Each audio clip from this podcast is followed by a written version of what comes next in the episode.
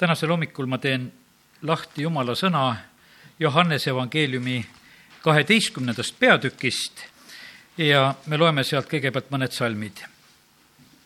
kakskümmend kolm ja sealt edasi.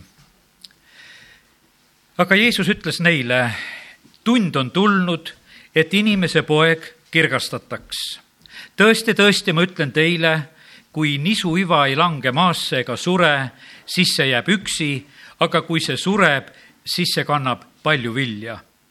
kes oma elu armastab, see kaotab selle ja kes oma elu vihkab selles maailmas, see hoiab selle igaveseks eluks. kes tahab mind teenida, peab järgnema mulle ja kus mina olen, sinna saab ka mu teenija. kes iganes mind teenib, seda austab mu isa me ei hakka edasi lugema siit neid Jeesuse tundeid, mida ta siin ka väljendab jätkuvalt veel. ja tänane see sõnum, ma ütlen siia ka kohe sellise pealkirja, kui nisuiva ei sure. me rääkisime möödunud kolmapäeval ka surmast ja, ja nendest aspektidest, mis just puudutavad inimest ja tema surma. aga täna ma räägin nagu pisut teisel viisil. ma räägin seda sellises vilja kandmise mõttes. kevadaeg on käes. täna peaks olema ju kevade algus ka. ja mis kevadel tehakse? seemned lähevad mulda ja kõik seemned surevad. milline surm on kevadel, võiks ütelda. seemned lähevad ja surevad. Need vanad, ütleme, kartulad ja kõik asjad, mis lähevad, need ei kõlba enam millekski, need surevad, mis on seemnena maha pandud.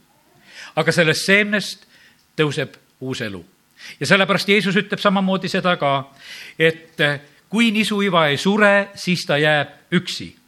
viljaga on selline lugu, et kui me vilja näeme, me ei mõtle nendele noh, ütleme nendele surnud seemnetele.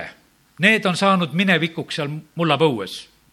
me näeme seda, kui vili tärkab, kui juba on oras väljas, kui ta hakkab juba seal pead looma, kõik see on vahva vaadata ja jälgida, kuidas vili tuleb esile. ja, ja sellepärast on see nii, et et tegelikult vili sünnib siin selles maailmas surma kaudu. maine ihu külvatat-, külvatakse ja vaimulik ihu äratatakse üles. ja, ja sellepärast täna tahaks nagu seda mõtet rääkida. Jeesus ootab, et meie kannaksime vilja. vilja kanda ei saa, kui ei sure.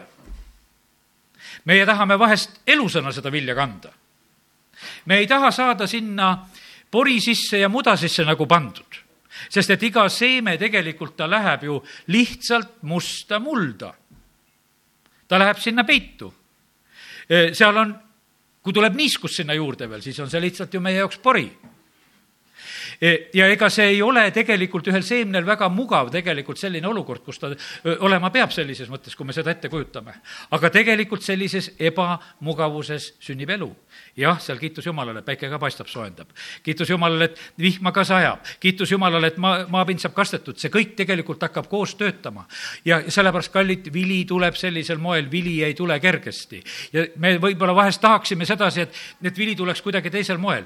ühestki nisujuvast ei tule vilja, kui ta ei sure. Need võivad olla seal vaaraude hauakambrites, need viljaterad aastatuhandeid ja nendest ei ole mitte midagi kasvanud, nii mitu terakest, kui sinna pandi, nii palju neid on seal. Nad ei ole seal paljunenud. ja siis, kui võetakse need terad sealt ja kui need pannakse, siis võib olla nendes väga vanades teradeski veel elu. elu on ime, mida tegelikult Jumal annab. ja, ja sellepärast on niimoodi, et, et see viljaime tuleb selle kaudu, kui kui surrakse. Jeesus ütleb seda siin, et, et tund on tulnud, et inimese poeg kirgastataks. See tõeline au tegelikult Jeesuse jaoks tuli esile, kui ta suri.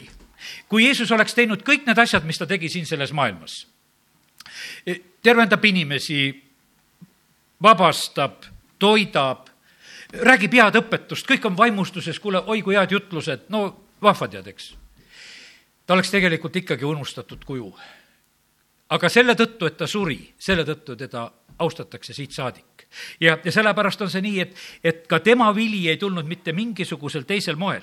Jeesus hakkab enne eh, siis eh, Jeruusalemma minekut, kui ta läheb sellel eesmärgil juba Jeruusalemma poole, hakkab rääkima sellest, et, et ta peab surema seal ei ole mitte mingisugust muud valikut. Mattiuse evangeeliumi kuueteistkümnendas peatükis on räägitud väga selgelt sellest, et Jeesus hakkab õpetama ja rääkima. sellest ajast hakkas Jeesus oma jüngritele selgitama, see on Johannese kuusteist kakskümmend üks, kust ma loen, et ta peab minema Jeruusalemma ja palju kannatama vanemate ja ülempreestrite ja kirjatundjate poolt ning tapetama ja kolmandal päeval üles äratatama. ta peab minema ja, ja surema. Ta peab minema nendest kannatustest läbi. Ja me teame seda, et see jutt absoluutselt ei meeldinud jüngritele ja Peetrus oli see julge mees, kes ütles välja ka oma arvamuse kohe ja tema ütles, et issand, niisugust asja ärgu sulle parem sündigu. ja Jeesus ütles, et see ei ole võimalik, et see, see on inimese tahtmine ja viis. aga kui ma tahan Jumala tahet täita, siis ma pean seda teed mööda minema ja ta läks ja kiitus Jumalale. ja vaata, kui palju tuleb vilja, kogu aeg tuleb vilja Eestimaalt tuleb ka vilja Jeesuse surma tõttu. kiitus Jumalale selle eest. mida meie meeles peame pidama? meie peame meeles pidama seda, alati, kui me tuleme sellesse pühasse lauda, täna me rääkisime juba ristimisele minekust. Need, kes läksid ristimisele, kes liideti koguduse juurde, mille sisse nad jäid? Nad jäid apostlite õpetusse, palvetesse, osadusse ja leiva murdmisse.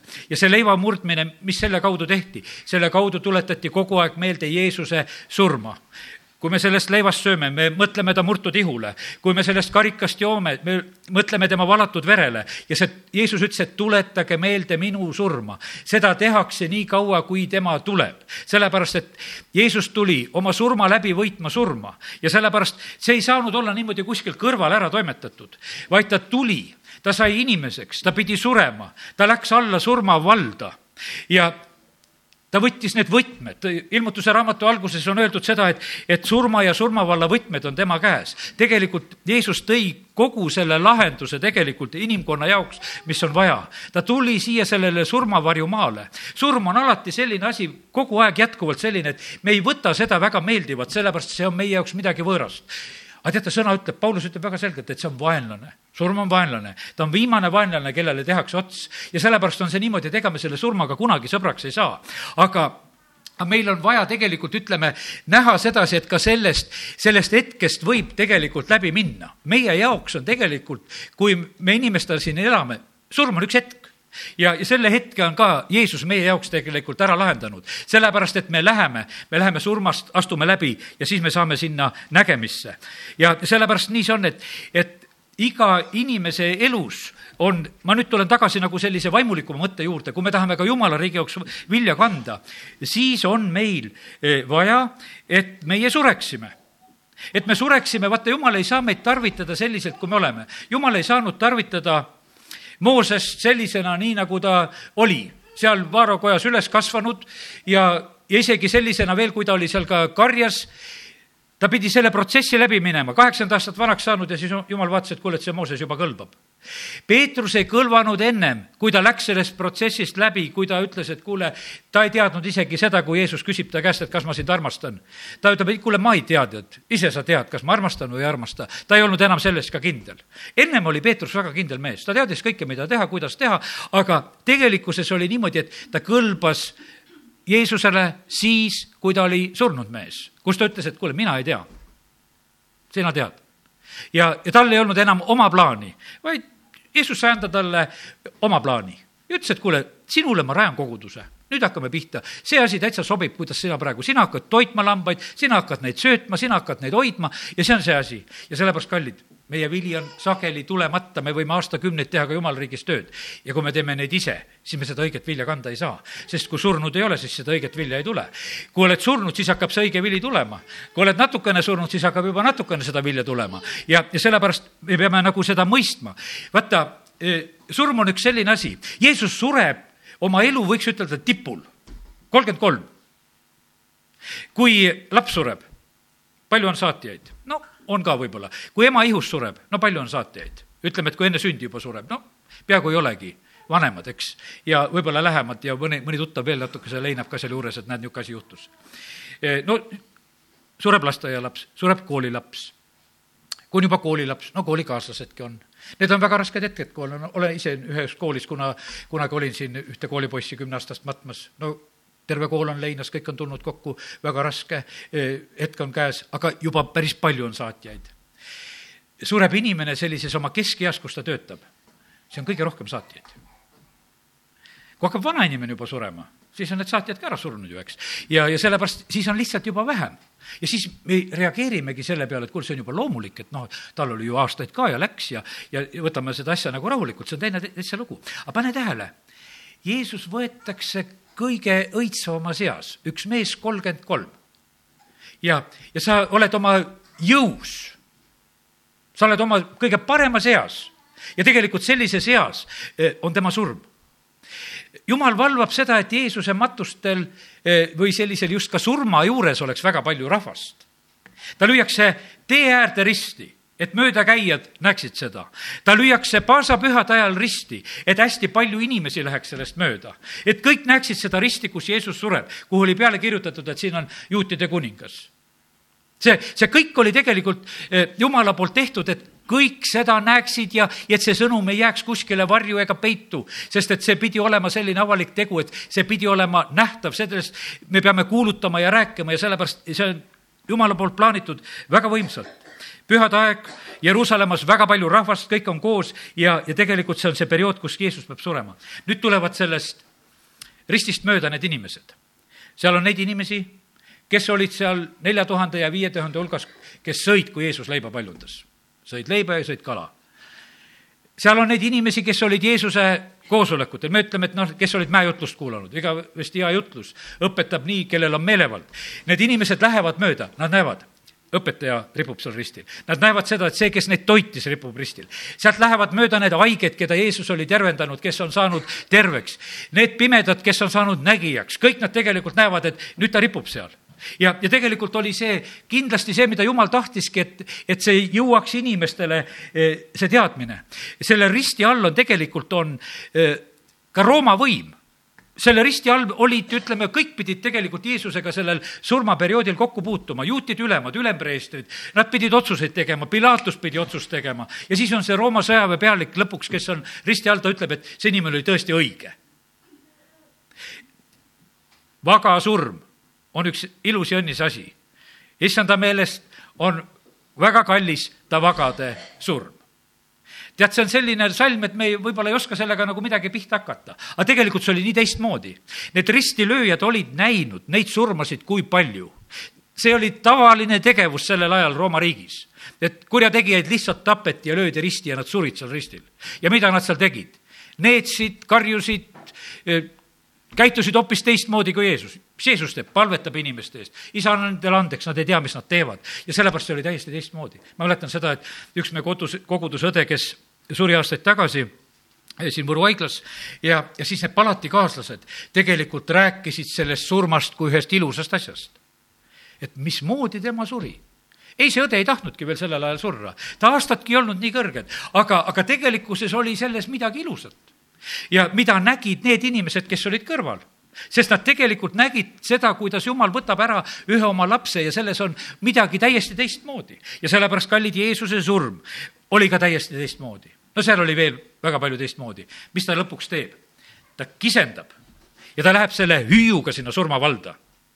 ta läheb võiduhüüuga sinna surmavalda. see kõik on lõpetatud. ta kisendas ja heitis hinge sellepärast, et tal oli veel tegelikult teha, tal pidi minema sealt kuradi käest neid võtmeid ära võtma. ta pidi kõike seda tegelikult meie jaoks korda minema tegema. Ja sellepärast praegusel hetkel on niimoodi, et need surnukuuri uksed on lahti. Neid kinni ei panda, sellepärast et Jeesus on need võtmed ära võtnud ja ma ütlesin, need on minu käes. Ja mitte keegi ei valitse selle värgi üle, see on minu käes ja, ja sellepärast on see nõnda, et kiitus Jumalale, et meie Jeesus on seda kõike teinud. ja, ja ta on teinud selle sellisel moel, et see on kõigile näha ja, ja kõigile teada ja seda kuulutatakse siin selles maailmas. ja tänu Jumalale, et, et meie võime täna neid asju samamoodi rääkida. ja, ja nii see on. tuleme tagasi, et kuidas meie siis sureme, kuidas vilja kanname. iga kord, kui sa Jeesusest kellelegi tunnistad, sul võib tulla niisugune surmatunne peale. see ei ole mugav sa parem ei teeks seda. aga sure ja kanna vilja sure oma minale, sure oma egule, egole. mis siis on, et see on niimoodi, et sa oled nagu täiesti noh, rumalaks peetud, et ajad mingisugusest surnust Jeesusest meil siin juttu. sest ega kõik ei usu, et ta on üles tõusnud ja, ja, ja kõik mõtlevad, et sa oled üldse imelik, et mis sa sellest räägid üldse meile. aga ära, ära karda seda teha, sest sa siis kannadki vilja, kui sa tegelikult sured. ja, ja kallid, see on äh, äh, meil kõikidel kogu aeg. me võib-olla mõtleme sedasi, et, et tuleb evangelist Dmitri, et see on tal nagu nipsti teha. küll ta ka sureb. ta ei näita meile alati välja seda, millist surmaelu ta tegelikult peab elama. vahest omavahelises vestluses ühe korra ma sain ta suust sellise sõna ka, et noh, Kristuse pärast võib kannatada kah. ja see oli ka niimoodi öeldud lihtsalt nagu kergelt.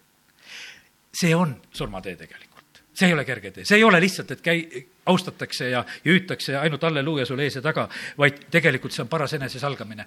Apostel Paulus kirjutab Rooma kirja kaheksas peatükk on meil kirjutatud, me oleme nagu tapalambaid, meid surmatakse kogu päev, iga päev. kus seal see Rooma kirja kaheksas peatükk on, teen selle lahti. Rooma kirja kaheksa kolmkümmend kuus, nagu on kirjutatud, sinu pärast surmatakse meid kogu päeva, meid koheldakse nagu tapalambaid. Eh, sinu pärast surmatakse iga päev, peaks ütlema venekeelne tõlge, ma olen siia juurde nagu märkinud kunagi.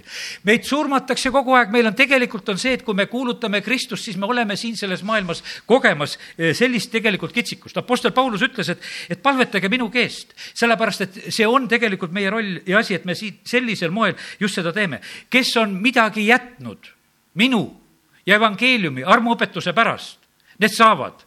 Vili tuleb selle kaudu, kui sa teed neid loobumisi no Peetrus ütleb kohe, no me jätsime paadid ja me tegime seda, me oleme sind järginud, me oleme kõike seda teinud. no kiitus Jumalale, et nad tegid seda ja, ja sellepärast on see vili ka tegelikult tulnud ja sellepärast olgu see nõnda ka, et, et meie eludes oleks nii ka. teate, märtrid jätsid oma elud Jeesuse pärast ja me ei loe, kui me loeme Uuest Testamendist nendest märtritest, kes on. ja me ei kuule praegusel hetkel ka eh, vaata nendest märtritest, kes surevad issanda eest. Et nad seal aliseks, aliseksid. ja need, kes juba kartsid, Nendest ei saanudki ju märtrit. Nad ju astusid välja, ütlesid, kuule, ma ei taha seda teha. ja, ja nende saatus on hoopis teistsugune. aga need, kes tegelikult võtsid selle vastu, siis nemad olid valmis oma surmaga tunnistama seda, et nad armastavad issandat. Stefanos, kellest Apostlite teod meile räägib, ta näeb neid taevaid lahti olevat ja ta tegelikult annab võimsa tunnistuse, see tõi vilja. Saulus, kelle jalgade ees seal need asjad seal olid ja, ja sellel hetkel ta oli seal üks tunnistaja juures, tegelikult hiljem saab päästetud. aga tal on meeles Stefanuse surm. sest Stefanus, no sureb nii rõõmsalt, särab selle juures, näeb taevaid lahti olevat ja tema võitleb hingest, et kuidagi elada õiget elu ja, ja oma jumalale midagi nagu head teha, käib kristlasi sidumas ja, ja püüab nagu kõigest hingest teha ja ta ei ole tegelikult sellest elust veel rahuldatud. Ja, sellepärast on see nõnda, et, et ka nende, nende tunnistuste läbi, kes, kes ka peavad surmaga tunnistama sellest tuleb vilja, sellest tuleb tulemus. see, kallid, ei tähenda seda, et me oleme nagu mingid jalamatid ja me otsime siin surma et see ei ole, see, see ei ole mingisugune enesetapu otsimine. Peetrus, Jeesus päästis ära, võiks ütelda, jumal päästis ära kaks korda vanglast. See esimene kord oli niimoodi, et noh, kuidas Peetrusega oli, esimene kord vahistatakse ja, ja siis tegelikult seal neljas peatükk Apostlite tegudes, siis ta ka seal noh, ta peab seal aru andma, siis räägitakse, ähvardatakse ja, ja on selline periood. teisel korral käib see vabastamine vanglast, see on viiendas peatükis ja üheksateistkümnendas salmis, kus on öeldud, issand ingel avas öösel vangimaja uksed, viis nad välja ja ütles, minge ja seiske ja kõnelge rahvale pühakojas kõik selle elu sõnad. Ja sellepärast me võime mõista, miks Peetrus kui ta jälle oli vangis, et ta võis ka magada seal. sest ta arvestas sellega, et, et ega ma ei tea, mis hetkel ingel tuleb ja jälle need vangikoja uksed lahti lükkab ja ütleb, et kuule, lähme siit minema ära. sellepärast, et ja ta ei pidanud veel siis märtri surma surema. tegelikult see teisel korral oli täiesti kindel plaan, et Peetrust tappa aga ta ei sure sellepärast, et jumal sekkub. ja sellepärast Peet-, Peetrus ei otsinud seda märtri kohta lihtsalt niimoodi, et kus mul see surm rutem tuleks, et saaks ma selle koha peale. ei, ta ei otsinud seda vaid ta usaldas Jumalat, ta tegi seda tööd, mis tegi, ühel päeval jõudis tema järg ka kätte ja tema ka sureb märtrina. aga me näeme seda, et, et kuidas tegelikult Jumal eh, aitas ja lahendas. Ja sellepärast nii ta on, et, et meie oleme siin selles maailmas need, kes me peame olema julged, kes me ei pea kartma surma, kes me ole, oleme valmis neid vastuolusid vastu võtma. Ja arvesta sellega, et neid vastuolusid tuleb siin tulevikupäevadel järjest rohkem, sellepärast et see maailm läheb kurjemaks, see läheb rohkem kuradi moodi oma seaduste ja värkidega üritavad teha ja sellepärast, ja meil tekib neid vastuolusid, kus me tegelikult teeme oma südametunnistuse järgi, teeme jumala sõna järgi, teeme seda laste kasvatuses, teeme seda ellusuhtumises, teeme nendes asjades ja tegelikult see toob väga tugeva eh, vastuolu olema meie jaoks. aga me ei pea kartma seda surma ja sellepärast tegelikult on eh, issand siis meie poolel. kiitus Jumalale selle eest. me issand Jeesus ei olnud samamoodi mingisugune kaotaja, kui ta suri. ta ütles, et mul on meelevald anda oma elu, mul on meelevald võtta oma elu. Eh, Johannese kümnendas peatükis ta räägib sellest väga selgelt, ta ütleb, et see on, see on minu käes. ma teen seda, ma teen seda teie pärast, sest et teile on seda lahendust tegelikult vaja ja ma tulin teile elu tooma ja, ja sellepärast ma teen seda. Johannese evangeelium kaheksateist kuus räägib sellest, et kinnivõtjad tulevad ja kukuvad maha. kes valitses sellel hetkel olukorda?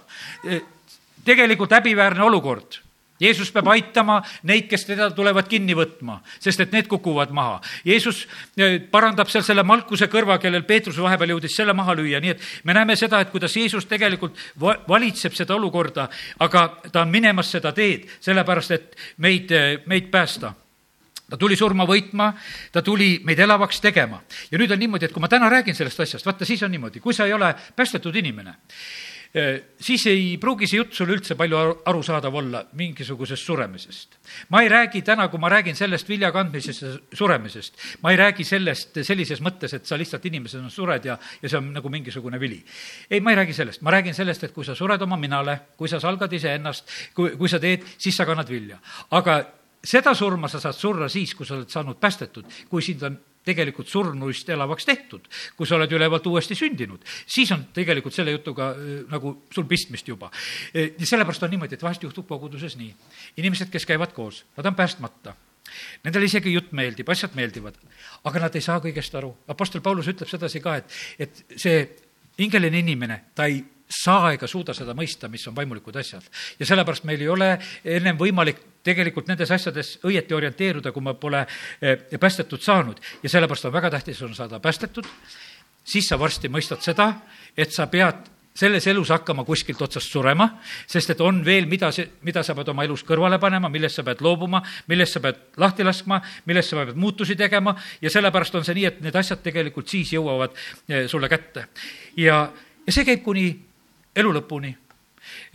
Hebra kiri, kolmeteistkümnes peatükk, räägib selliseid juhiseid ja kolmteist seitse on üks selline salm, see on sellises uuemas tõlkes on natukese teistmoodi juba öeldud, vanemas tõlkes on niimoodi, et kuidagi oli seal öeldud, et pange tähele nende juhatajate elu otsa, siin uuemas tõlkes on öeldud, pidage meeles oma juhatajaid, kes teile on rääkinud jumala sõna, pidades silmas nende elukäigu lõppu, võtke eeskujuks nende usk ja sellepärast oli niimoodi, et tegelikult on nii, et, et Jeesus ütleb, tund hakkab lähenema, kus mind kirgastatakse ja siis ta hakkab rääkima, nisu juba sureb. Ja sellepärast on see niimoodi, et igaühe meie selline, kuidas ütelda, lõplik eksamitund on siis, kui me astume igavikku. me täna võime olla tublid usus, aga me peame seda olema siis, kui me oleme igavikku minemas. Siis ei tohi meie usk kõikuda, me peame olema siis täiesti kindlad ja valmis. Ja sellepärast on see niimoodi, et, et meil on vaja lõpuni jääda ustavaks, meil on vaja lõpuni vastu pidada. Ja, ja sellepärast, kui Hebra kiri kirjutab, ta ütleb sedasi, et, et, et seda elukäigu lõppu tuleb silmas pidada, seda tuleb vaadata, kuidas tegelikult asi lõpeb. ja, ja nende usku tasub järgida, kes lõpuni ustavaks jäävad ja, ja, ja vastu peavad. Ja sellepärast kiitus Jumalale, et täna võime neid asju meeles pidada, et see on väga tähtis, kuidas meie siit elust ka kord eh, lahkume. Ja see jätab teistele sellise õnnistuse ja eeskuju. Jeesuse surm tõi väga palju vilja. esimese Aadama patulangus tõi väga palju pattu siia maailma. kohutavalt palju pattu tõi siia maailma. patt siin selles maailmas on ka väga võimast vilja ja, ja paljunemist nagu tegemas ja vilja kandmas siin selles maailmas ta on kohutavalt kandmas vilja. kui eh, mõtleme seda veeuputuseelset aega, siis on niimoodi, et kõikide inimeste südame mõtlemised on üksnes kurjad. see patt on, nii täitnud ja laastunud maa. jumal leiab seal ühe noa ja tema perekonna, kes on veel õiged kelle ta päästab ja kelle kaudu läheb edasi.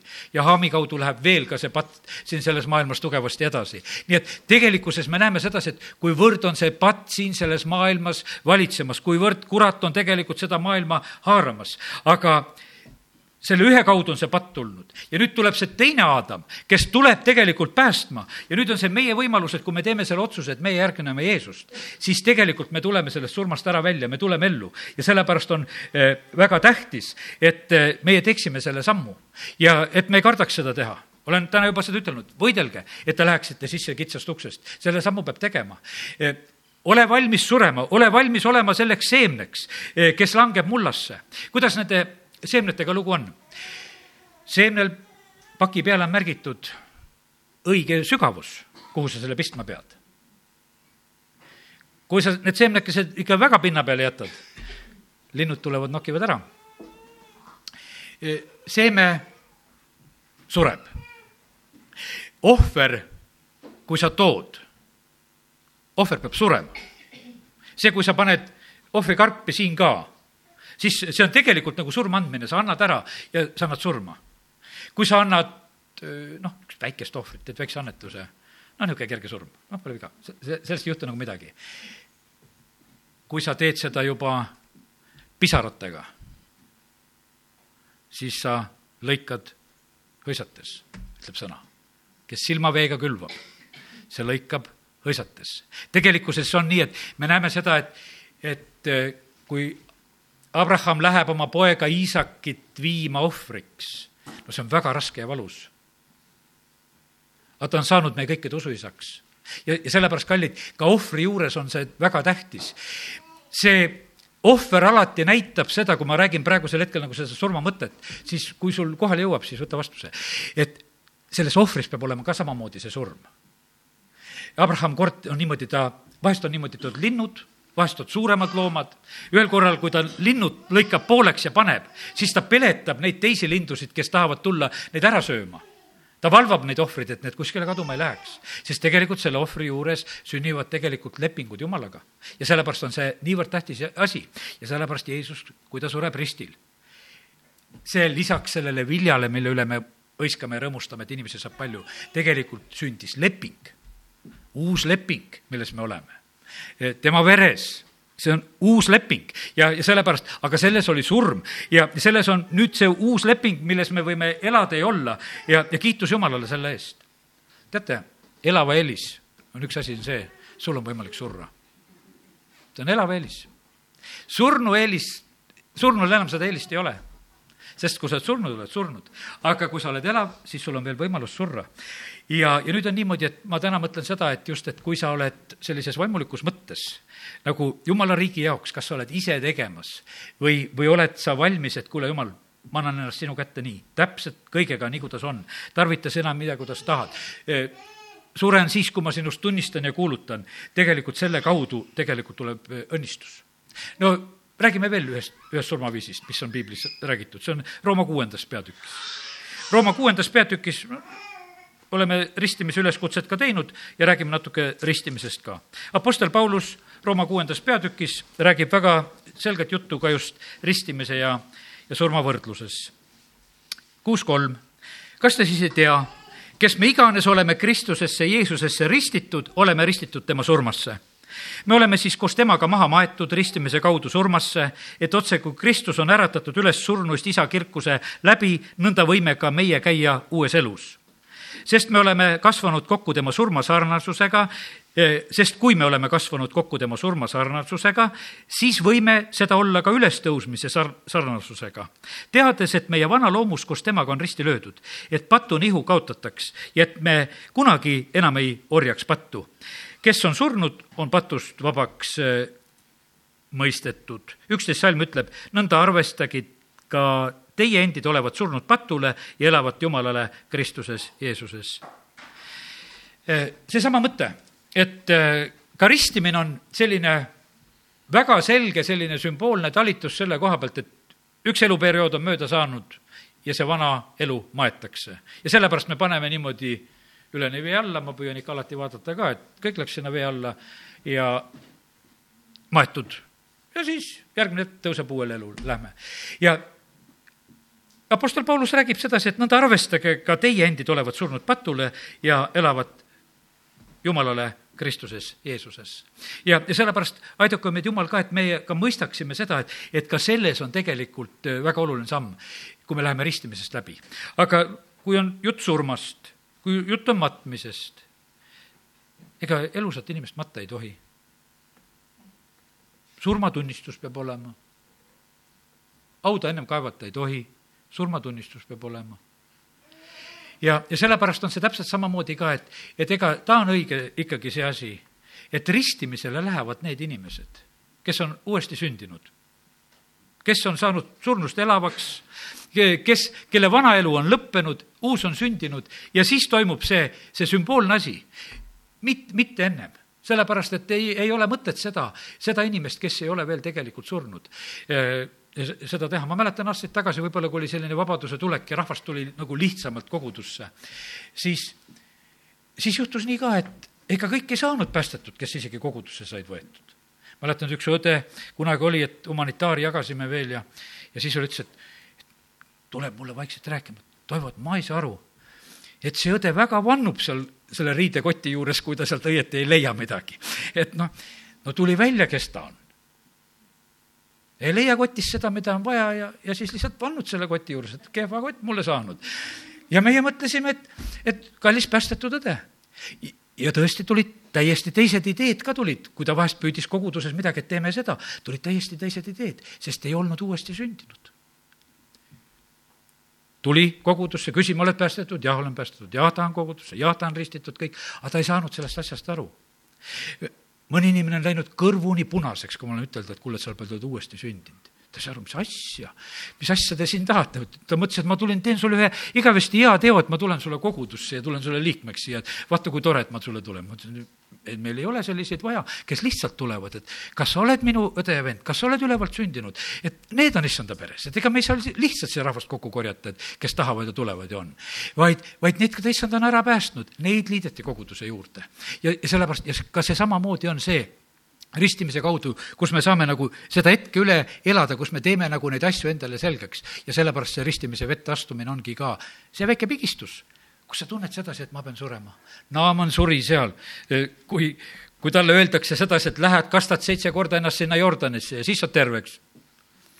ja meie tõi luule Torontost kunagi, kui ta seal nüüd Iisraelis käis, tegi neid piltisid sellest Jordani kohast, arvatavalt, kus see Naaman võis ka ristimisel olla. no see oli selline muda vesi, niisugune kollane paks muda, mis seal ujus. ja, ja Naaman mõtleb sedasi, et no kuule, mul on omal palju paremad jõed ja pean tulema Iisraeli ja sellises ojas käima praegusel hetkel siin sees, kus on niisugune muda keerleb siin, et miks ma sinna pean kastma? ta sõbrad ütlevad, et kuule, tee see ära, kui prohvet oleks nõudnud palju. ta suure ülemusena sureb iseendale, ta on valmis seda kümlust tegema, aga ta tuleb sealt tervena välja. ja, ja sellepärast on see nii, et, et jumal jätab meie elus need võitluse momendid, et kus me tegelikult peame läbi minema. ja, ja kui me oleme siis nendest momentidest läbi läinud, siis, siis tegelikult tuleb tulemus hea. igal asjal on aeg. on aeg sündida ja on aeg surra. kiitus Jumalale, kui sa oled ülevalt sündinud. kiitus Jumalale, kui sa oled siia maailma sündinud. aga pane tähele, et igal asjal on oma aeg. on aeg sündida ja on aeg surra me tahame palju vilja saada ja sellepärast on aeg, et meid sureks üha rohkem. siis tuleb Jumala riiki palju rohkem vilja siin selles maailmas. ja kiitus Jumalale, et surm ei ole lõpp, kui meie paneme ennast nagu selle surmaga niimoodi kõrvale, kui meie maine telkhoone maha kistakse, siis on meil elamu Jumala käest. maine ihu külvatakse, vaimulik ihu, vaimne äratatakse üles. kõik, kes on haudades, kuulevad Jumala poja häält. sa tahad, et Jumal räägiks, sa tahad teda kuulda aga sa surra ei taha. aga kõik, kes on haudades, kuulevad Jumala poja häält. sa ei saa oma minaga koos sedasi, ütled, Jumal, ma tean kõike värke, räägi mulle juba, tead, anna mulle kõik teada, mis on vaja. jumal ütleb, et küll ma sulle räägin, kui sa oled juba parasjagu surnud. küll ma sulle siis räägin, küll sa siis kuuled mu häält. kõik, kes on haudades, kuulevad Jumala poja häält. me läheme tegelikult surmast ellu ja sellepärast täna, ma ei tea, siin on võib-olla nii, et kes saab aru ja kes ei saa aru. ja olgu sellega, kuidas on, mina räägin seda, mida mina aru sain. ja, ja sellepärast, ja võta seda vastu, aga et sellepärast, et kallid, e, selle kaudu tegelikult tuleb vili. E, apostlid Paulus ütleb, teise Timoteose neli kuus, sest mind valatakse juba joogiohvrina, mu lahkumise aeg on käes. Peetrus räägib samamoodi seda, kui tema lahkumise aeg on käes.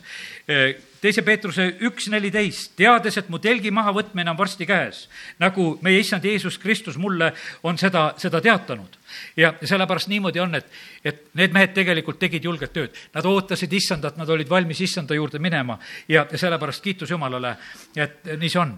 see asi võib olla vahest, meil see telgi mahavõtmise tunne võib olla mõne inimese elus nagu korduv.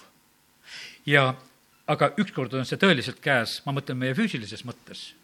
aga ma usun, et kui sa nüüd seda vaimulikku mõtet oskad siin kogu aeg kõrval hoida, nii nagu me oleme iga päev need tapalambad, siis tegelikult eks, eks seda telki võetakse meil ka ikkagi korduvalt ja korduvalt niimoodi maha, et me me võiksime olla need tapalambad, et me võiksime olla need, kes me sureme siin selles maailmas, et, et see vili võiks siin selles maailmas tulla.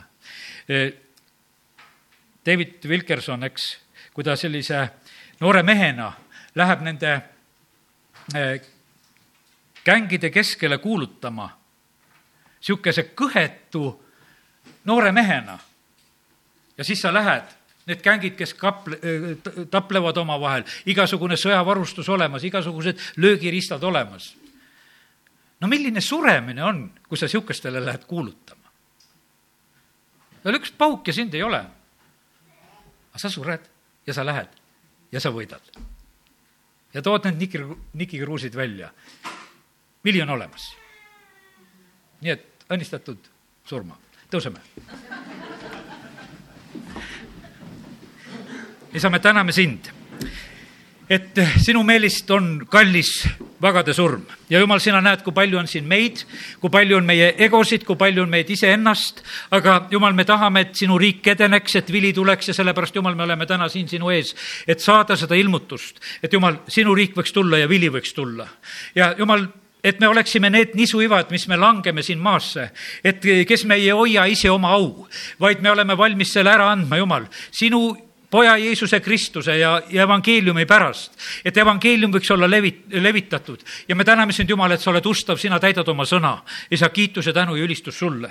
aga isa, me täname sind, et me võime täna ka seda armu paluda, et, et kõik, kes me siin oleme ka, et, et me oleksime ka oma füüsilise surma jaoks valmis. et me otsani vastu peaksime, et me oleksime valmistunud, kui me oleme nädala sees ka seda tõsist juttu rääkinud. Jumal, me täname sind, et sa annad meile need sõnumid. isa, kiituse, tänu ja ülistus sulle. ja me täname sind, Jumal, et, et sinu poeg Jeesus Kristus on läinud surmast läbi ja, ja see teekond on läbitud, võtmed on tema käes. me täname sind, et me ei pea kartma surmavarju õrus. me täname sind, Jumal, et, et sa oled meile kõik tegelikult valmistanud ja me täname sind, Jumal, et me võime minna surmast läbi ellu.